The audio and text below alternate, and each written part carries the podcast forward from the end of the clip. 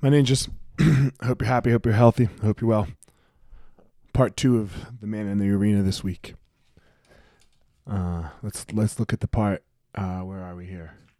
Who strives valiantly, valiantly, valiantly, who errs, who comes short again and again, who spends himself in a worthy cause. First, I, I want to go to the end there of that part. Who spends himself in a worthy cause. Find something to do that will better humanity.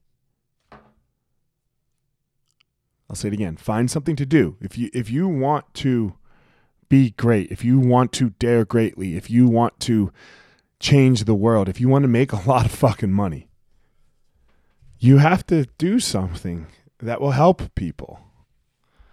It can't be about you.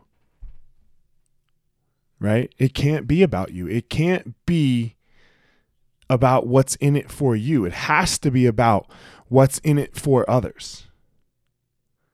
What is in it for everyone else? What is in it for the other 7 billion people on the planet? And I get it, you're going to have to narrow your niche down. But what is in it for them? Once you find your niche, what why should they fucking do this? Why should they give you their dollar? Why should they give you more importantly their time? It better be a worthy cause.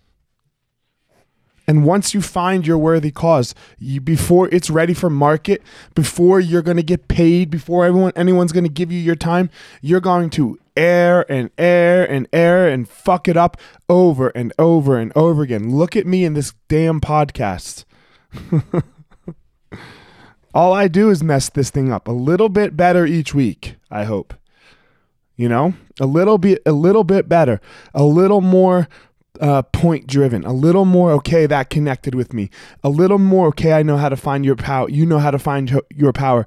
A little more positivity a little more good message a little more each week i hope i've gotten there. I hope i've interviewed better. But man it's been a lot of messing up. It's been a lot of blowing it. I know it you know? You you just have to do it. It's just what it is. Stay in the fucking game long enough but you only stay in the game long enough. Again, it's going to come back to it.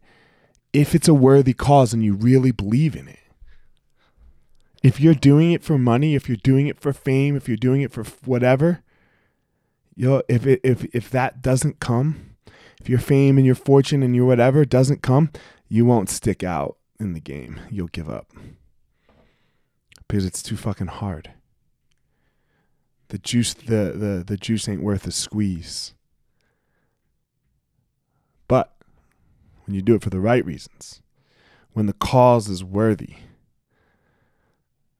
the hard work, the errors, all of that is worth it.